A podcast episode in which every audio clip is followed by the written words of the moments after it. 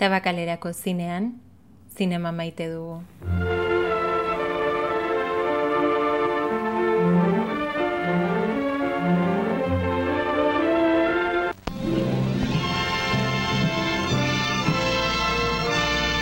Luis Buñuel, Patrick Chia, Buñuel Plus, Zinemaldia Plus, Zinemaren historia etengabea, zinema eta zientzia. Hasieratik zinema feministaren historiak. Zinemaren historiak hiru santuzten zunegi. Eskolatik. Martxoan ikusiko deguna kontatuko dizuet. Hilabetea buñuelekin hasiko dugu, Susana filmarekin hain zuzen ere.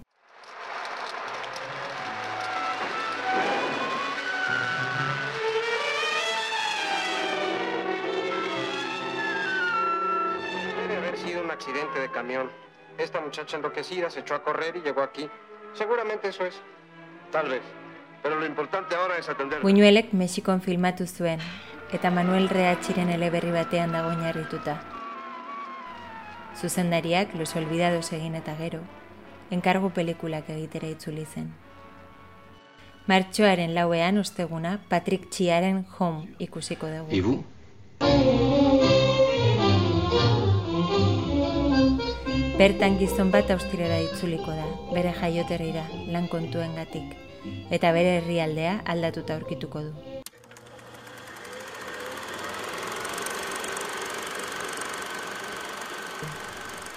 Martxoaren bostean Fritz Langen emakumea ilargian ikusteko aukera izango dugu, Javier Pérez de Azpeitiak pianoa zuzenean joko duelarik.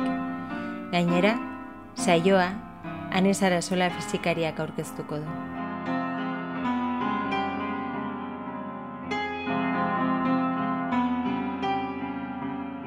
Eta larun batean, martxoaren zeian, Jackstatik interpretatutako Messi Ulot izango dugu gure pantailan, Playtime pelikula protagonizatzen hain zuzen ere. A one, a two, a one, two, three, four.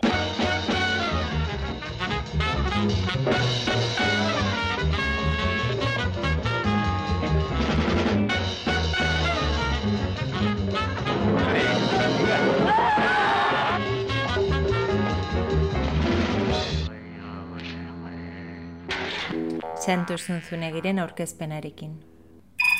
Astea bukatzeko igande goizean familientzako kamaleoak gara zinean saioa gertatuko da. Isabel Ergera animatzailea eta bere lankideek lantegi bat emango dute proiektzioaren ostean. Martxoko bigarren asteari buñuelekin emango diogu hasiera berriro ere. Oraingoan, la hija del engaño izango da ikusgai. Martxoaren amaikan, Elias Kerejeta Zineskolako komisariotzako hiru ikaslek, Amaranta Diaz, Laida Mendia eta Mariana Kuinek programatutako saioa izango dugu. Bertan, bos labur metrai egongo dira ikusgai. Lehenengo adibidez, Marta Rodríguez zinegile kolombiarrak zuzendutako Nacer de Pero nuevo. es un pueblo maldito. Lo, lo maldició el Santo Papa por haber matado un sacerdote. Entonces el, el Santo Papa dijo que con el tiempo iba a ser arrastrado por una creciente. Martxoaren amabian, zinema eta zientzia zikloaren barruan, Margen Satrapiren Madame Curie ikusiko dugu, Maria García Berniori fizikariak aurkeztuta. Persepolis filma zuzendu zuen zuzendariarena da, zientzileariari buruzko pelikula hau. Martxoaren amairuan Loiz patinoren lua vermella ikusiko dugu. Agora que isto os atrapou a todos, xa ninguén podrá decir que eu mentía. Teño que volver, sacalos dai.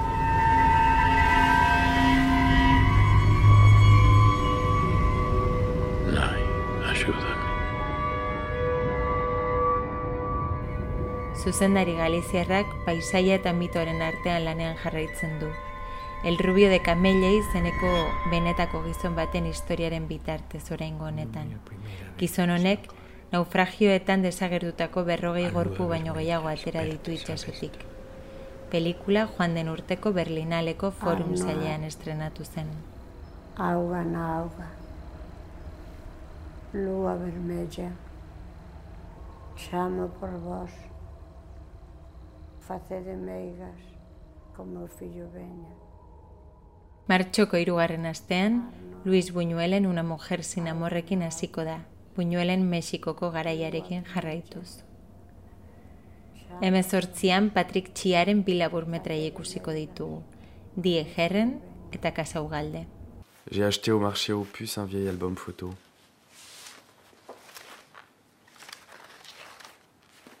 Sur toutes les photos, il y a la même femme. J'imagine qu'elles ont été prises par son mari. À l'intérieur, une seule chose écrite. Casa Ugalde, 1951. Gizon batek argazki album bat aurkituko du merkatu batean. Argazkiak ikusten doan einean, historia esmatzen hasiko da, eskribapenak, fantasiak eta memoria pertsonala kombinatuz. Pixkanaka pixkanaka gizon honek argazkilariaren leku hartuko du eta bere historia pertsonala kontatuko digu. Emeretzian La amenaza Andromeda, Robert Weissena, Fernando Cosio kimikariak aurkeztuta.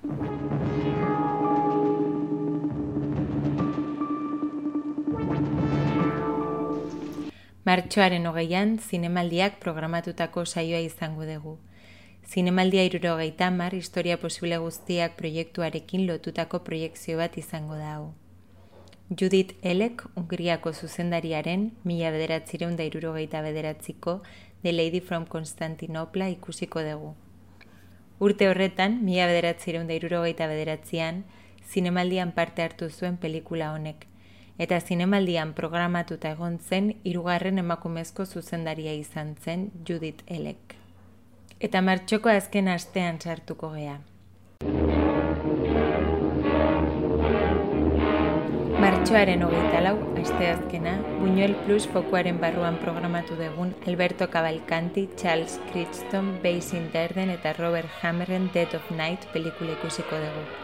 Mila bederatzireun da berrogeita bost urteko beldurrazko pelikula bat.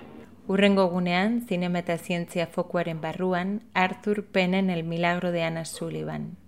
Xurxo Mariño, neurofisiologoak aurkeztuta. Martxoaren hogeita zeian, hasieratik zinema feministaren historiak fokuaren eguna izango da.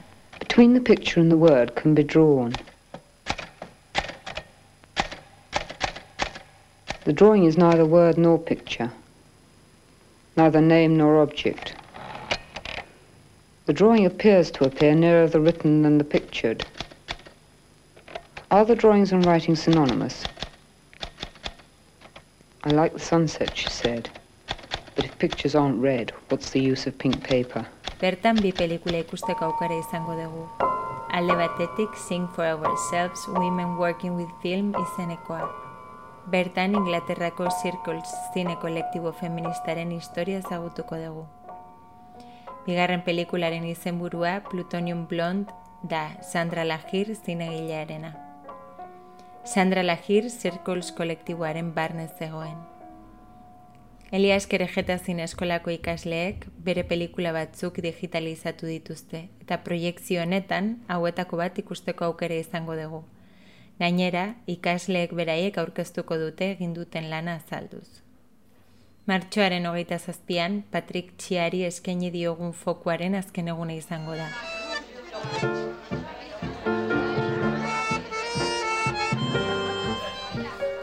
Fokuari amaiera emateko, kutuntzuri bat eskaini genion Patrick Txiari, eta berak, Marie-Claude Reiuren Simon Barbe Ulavertu film aukeratu du. Bere hitzetan, ikusi dudan desioari eta gauari buruzko film ederrenetako bat. Larogeiko hamarkadako Paris desagertuari buruzko film bat. Film sekretu bat. Je rêve d'un étrange amour qui m'apporterait la tendresse. Je rêve de connaître un jour le secret d'étranges caresses. Si je rencontrais cet amour, je me glisserais de ses promesses.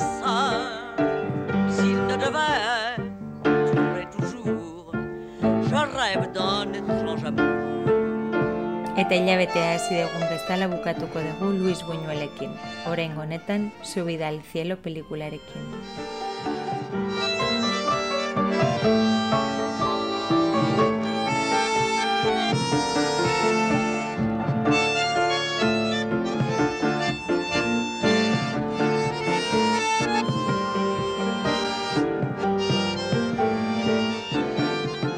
izango da mertxoa tabakaleran. bakaleran. Dugu zinaretoan. Je rêve d'un étrange amour qui m'apporterait la tendresse. Je rêve de connaître un jour le secret d'étranges caresses. Si je rencontrais cet amour, je me griserais de ses promesses. S'il ne devait